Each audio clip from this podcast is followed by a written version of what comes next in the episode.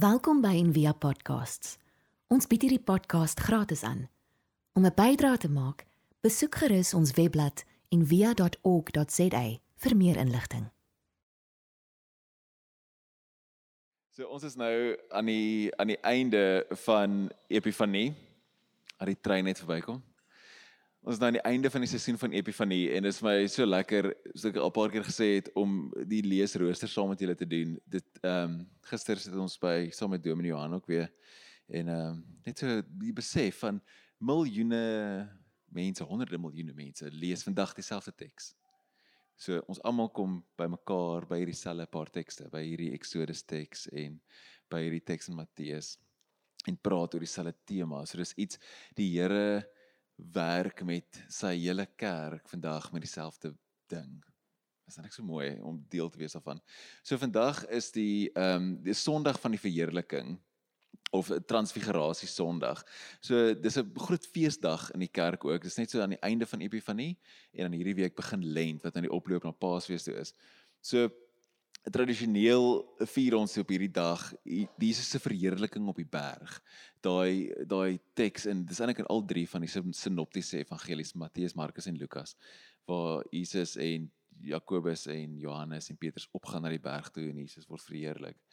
Maar die die teks wat ons op gaan fokus vandag is die teks van Moses, die wat ons nou net gelees het waar Moses opgaan teen die berg en die en die wette en die gebooie van uh God ontvang. So berge in die Bybel, ehm um, net soos in Kaapstad is baie baie belangrik vir mense. So elke keer as jy die teks lees en daar staan berg, dan moet jy eintlik so stop en dink, okay, wat gaan hier aan?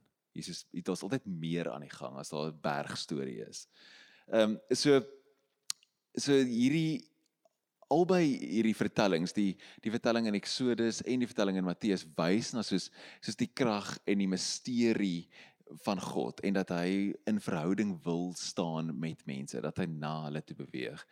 En ehm um, hierdie hierdie storie in in ehm um, in Eksodus is is natuurlik die binne in die Eksodus verhaal vind dit plaas. Dit is dit val eintlik so half omtrent in die middel. Dis soos 'n dit is 'n oorgangspunt. Dis al so 'n klimaks omtrent van die verhaal waar hulle uit Egipte uitgekom het en nou ontvang hulle die wet en die die gebooie en die wet en die rituele en die opdrag om die tabernakel te bou. En van hier af is dinge nie meer dieselfde nie. Dis dan anders. Dis is 'n oorgangstyd. In die in die teks ook kan lees jy Moses het vir 40 dae en 40 nagte op die berg gebly. En daai 40 is ook so sleutel ehm um, of jy sê dan nie 'n weet 'n teken of 'n highlight vir jou te sê dat hierdie is soos 'n dis is 'n merker wat sê dis nou anders. Dis 'n oorgangstyd of 'n weet amper 'n tipe liminale spasie. So wat so mooi is van die teoloë skryf, hulle sê dat hulle gaan van slawerny in Egipte en dan gebeur Sinai en dan gaan hulle oor na aanbidding toe. Hulle gaan van waar hulle vasgebind is deur die farao en in ketTINGS waar hulle vasgebind word aan God en hulle gaan van waar hulle gebou het vir die farao, waar hulle sy tempels en sy goed gebou het, gaan hulle na waar hulle die tabernakel bou, die huis van God en sy woonplek. So dis hierdie beautiful oorgang. En in hierdie in hierdie teks, as jy nou die hele deel gaan lees in Eksodus 24, dan sien jy dit het so dit het kan so aanloop aanloop aan die begin dan wys dit hoe Moses en Aaron en al 70 ander mense op met die berg opgeklim het en dan in vers 9 en 11 was daar so tog so beautiful text. Dit sê hulle het gevas voor die tyd en dan sien hulle vir God in 9 vers 9 en 11 dan sien hulle vir God en dan eet en drink hulle. Dis half hierdie oploop en hierdie hele ding en dan sien hulle vir God en dan eet en drink hulle. Dan is dit so 'n feestydperk. En dan dan gaan Moses natuurlik nou alleen op en dan kry hierdie beskrywing, moet dit 'n teofanie, soos die die ehm um, manifestasie van God self. En die beskrywings van die wolk en die vuur en so hierdie is dan hierdie oorgang van die uittog uit uit Egipte uit na die verbondseeling toe. So en met hierdie kosmiese berg in die middel, soos hierdie hierdie ontmoeting met God. So berge in die antieke tyd ook altyd is berge, dis die plekke waar die gode gebly het. Onthou hulle in die as jy in die ou dae na die NG Kerk toe gekom het dan die dominee altyd gelees, ek kyk op na die berge. Onthou hulle daai? Ek kyk op na die berge. Waar vandaan sal my hulp kom? Nê? Nee, almal onthou dit my hulp kom van die Here. Nou daai teks gaan oor dat jy kyk op na die berge na die blyplekke van die gode. So waar sal my hulp vandaan kom? Nie van hulle af nie. My hulp kom nie van die berge, my hulp kom van die Here af.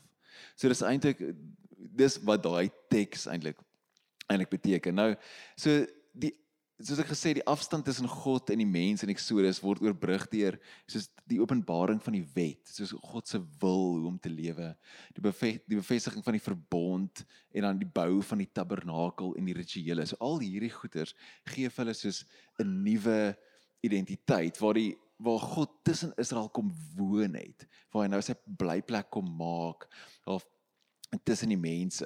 En hierdie hele die taal ook, as jy die taal nou gaan ontleed, die dit God wat sy sy teenwoordigheid het ge die Engels is nou soos om te settle op die berg. En dieselfde woorde word gebruik in Johannes 1 waar waar dit sê Jesus het die woord het by ons kom bly. Dit weer dit speel eintlik hierdie selfde storie weer en weer.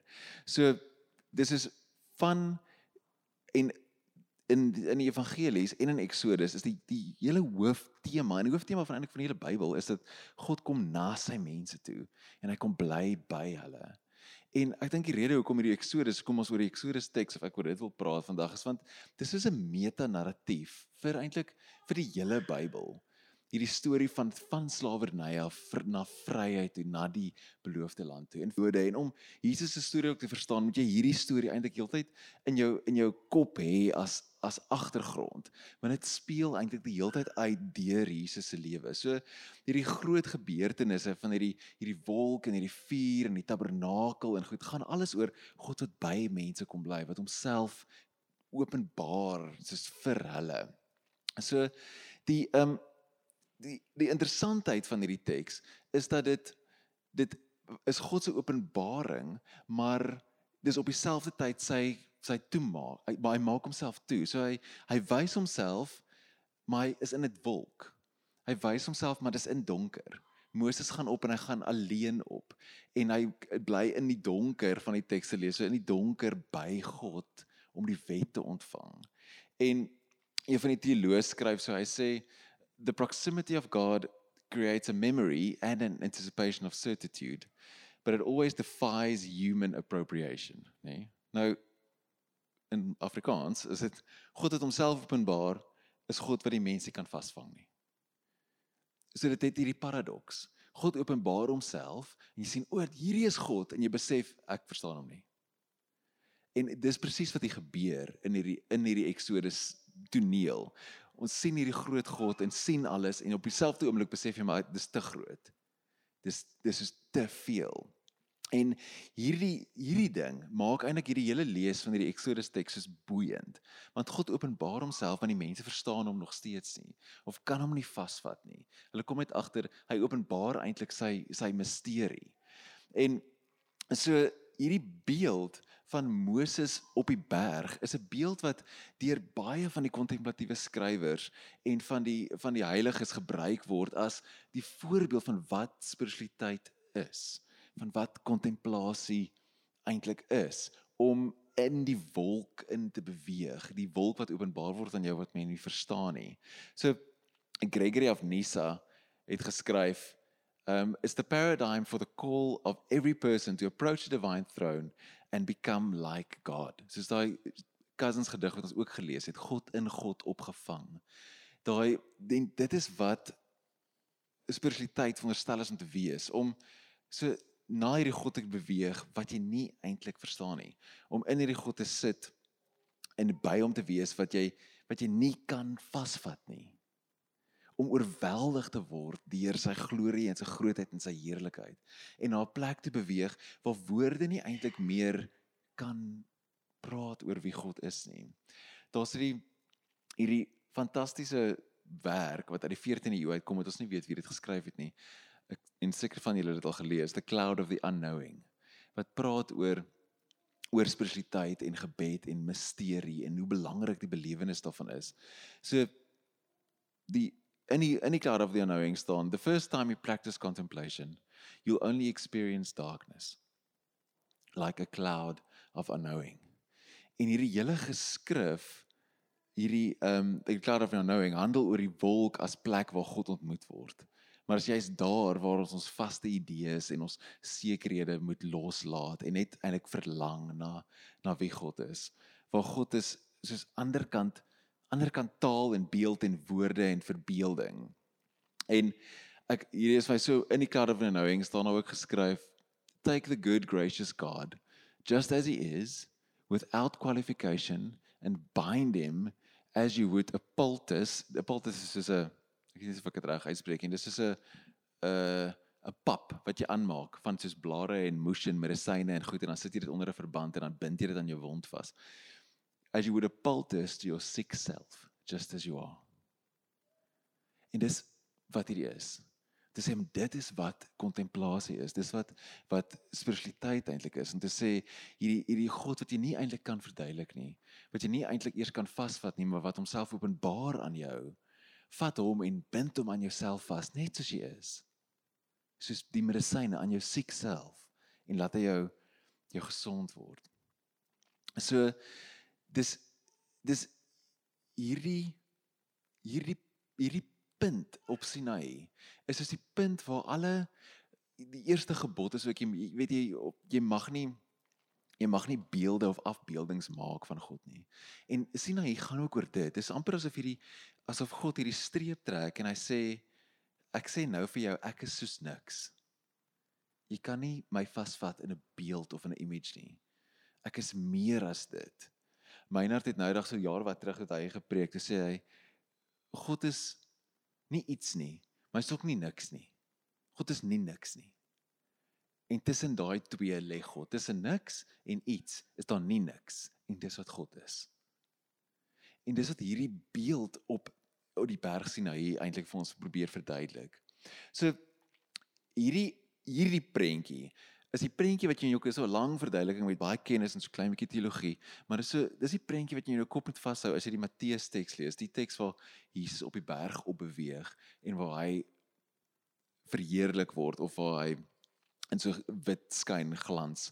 Ehm um, so dit soos ek gesê, dis al drie evangelies, Matteus, Markus en Lukas. En vandag hierdie jaar eintlik lees ons in die leesrooster die hele tyd Matteus. So die leesrooster werk so dis altyd met dis altyd een van die sinopties en Johannes. Johannes word altyd gelees soos hierdie jaar is Matteus en Johannes.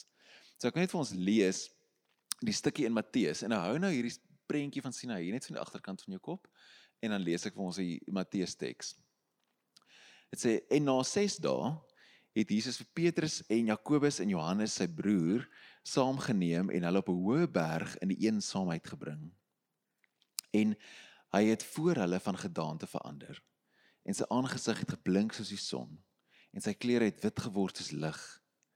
En kyk, daar verskyn hulle aan hulle Moses en Elia in gesprek met hom. So Moses en Elia verteenwoordig die wet en Elia verteenwoordig die profete. So toe begin Petrus vir Jesus te sê: "Here, dis goed dat ons hier is. En as U wil, laat ons hier drie hutte maak. Vir U een en vir Moses een en een vir Elia. Van die ander van die ander van die ander um, evangelies sê in die vertaling sê hy het nie geweet waarvan hy praat nie. Dit staan so so in parentheses geskryf. Hy nie Petrus praat net 'n bietjie te vinnig. Hy sê terwyl hy nog spreek, oordek 'n helder ligte wolk hulle met eens en daar sê 'n stem uit die wolk: Dit is my geliefde seun in wie ek welbehaag het. Luister na hom. En toe die disippels dit hoor, het hulle op hulle aangesig geval en was baie bevrees. En Jesus het nader gekom en hulle aangeraak en gesê: "Staan op en moenie vrees nie." En toe staan hulle oë op en sien niemand meer nie, behalwe Jesus alleen. So dit is hierdie oomblik waar iets van Jesus openbaar word. En wat van hom openbaar word is dat hy die dit link direk aan die Exodus teks dat hy God self is op 'n onverstaanbare manier. En jy as jy mooi lees in die teks, dan sien jy self daai hulle val op hulle aangesig neer dat hulle verstaan nie wat gaan nie aan nie en dan Jesus kom na hulle toe en sê maar moenie vrees nie.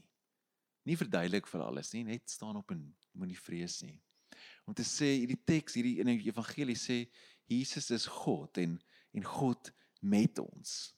Maar dis meer as dit. Ek het eendag so Trevor Hudson preek waar hy oor hierdie gepraat het en dan sê hy die verheerliking wys Jesus se roeping, dit wys wie hy is, dit wys sy divinity, maar dit is meer as dit. Toe ek eerlikheid, wat's meer as dit? Toe sê hy dis meer as dit want dit wys die storie van van die hele heelal wat besig is om te gebeur. Dis 'n amper 'n prentjie uit die toekoms uit van die hele heelal wat herskep word in proses van verheerliking om op te staan uit die as. Dis wat dis wat hierdie storie is. En daar's 'n ehm um, o ja, daar's net 'n mooi mosaïek van die uh, van die verheerliking. Daar's 'n storie wat Desmond Tutu vertel. Ek het Vrydag 'n van die preek aangestuur van so 'n great dominee daar in Pineland, Pinelands, Helgard, Helgard. En uh, hy gebruik hierdie storie van Desmond Tutu en hy vertel hoe in die in die vroeë 1970s, so is amper 50 jaar gelede, wat dit so donker obviously baie donker tye in ons land en dis waar Tutu ook uitgesê um God we know you are in charge but can't you make it a little more obvious? Dis so, ons weet dis daar maar asseblief help ons bietjie weer hè.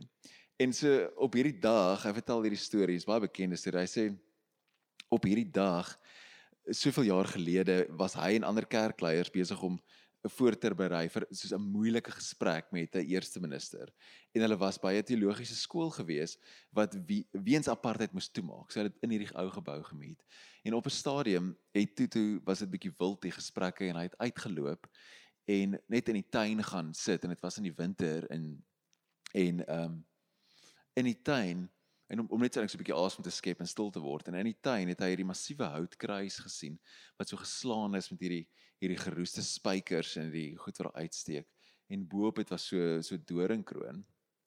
En hy hy beskryf dit en hy sê dit was so dit was droog en die tuin lyk lyk lelik en terrible en dis en hy het terwyl hy daar sit toe besef hy met eens dat dit hierdie selfde tuintjie is wat gaan wat binnekort wanneer dit begin reën gaan alles weer ontwaak en gaan alles weer verheerlik word en transfigured word.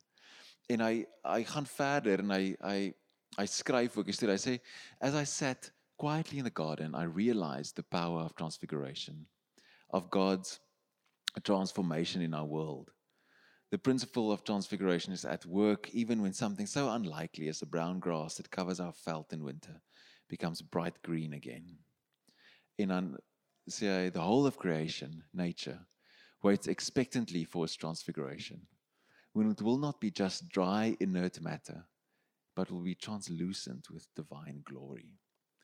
Nou die punt van hierdie storie is dat hy hierdie oomblik, dit was soos hierdie hierdie epifanie, hierdie teo van die wat God hom aan hom verskyn het of hom openbaar het en sê dat alles is besig om te verander, wat petrol in sy tank geword het vir die hele res van die volgende 20 jaar totdat hulle vry geword het. En dis presies hierdie storie. Dat dis waar hierdie storie meer is as net die openbaring. Dat dit soos 'n saad is wat geplant word vir jou om kan gaan. En wat so snaaks is in hierdie storie is die hele ding met die hitte. Wat Cousins ook oorskryf is daai dat wat Petrus sê nee maar ons moet net hier bly. Ons dis lekker hier en ons bou vir ons almal hitte en ons bly net hier op die berg. Dis awesome. En waar Jesus sê, sê in fake nee. Ons doen nie dit nie. Ons moet weer afgaan. Daar's daar's werk om te doen aan die onderkant ook. En uh, in hierdie teks is daar is daar twee stemme. So Helgard wys dit ook so mooi uit. Hy sê daar's daar's twee stemme wat praat. As jy die teks net bietjie verder aanlees. Die eerste stem hoor jy en sê dit is my geliefde seun in wie ek welbehaag het. Luister na hom reg? En dan gaan hulle af met die berg, dan gebeur daar julle sien ons gelees het, en dan gaan hulle af met die berg en onder as hulle onderkom by die ander disippels, dan is daai disippels besig om iemand se siek kind te probeer gesond maak. So dis eintlik hierdie weird sien van hulle is besig op die berg om hierdie amazing spiritual experience te hê en die ander mense sit hier onder in die donker vallei besig om te probeer iemand gesond maak en dis nag. En nou kom hulle af en die woorde wat die pa sê, hy sê Here, ontferm U oor my seun, want hy is maansiek en hy ly swaar. Want dikwels val hy in die vuur en dikwels in die water. So daai daai twee frases in die teks presies dieselfde. Albei sê kyk my seun. Een is God wat sê kyk my seun. En die ander een is hierdie man wat sê kyk my seun is siek. En dit is die punt. Ware godsdiens probeer altyd binne in hierdie half ongemaklike spanning leef. En dit weier om die een te ruil vir die ander een. Om te sê dat ons doen net bergpieke of ons doen net valleie. Al twee is so super is belangrik en nodig binne in spiritualiteit.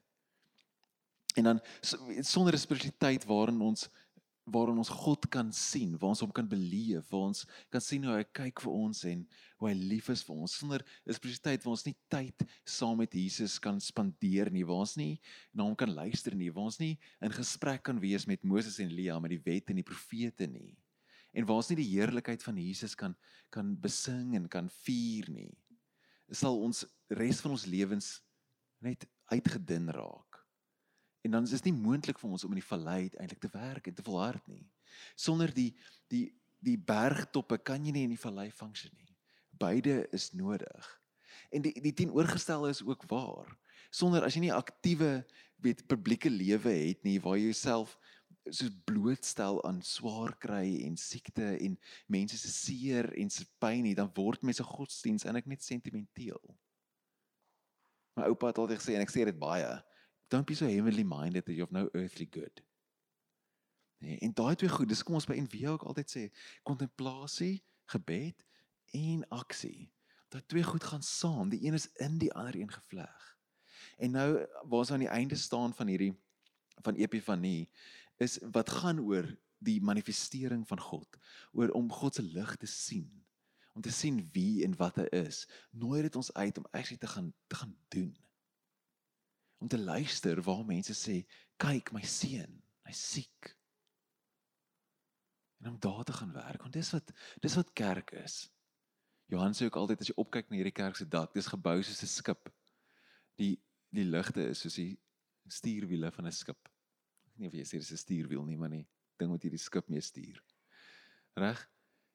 En dis die punt, dis wat kerk is. Dis die simboliek van hierdie gebou.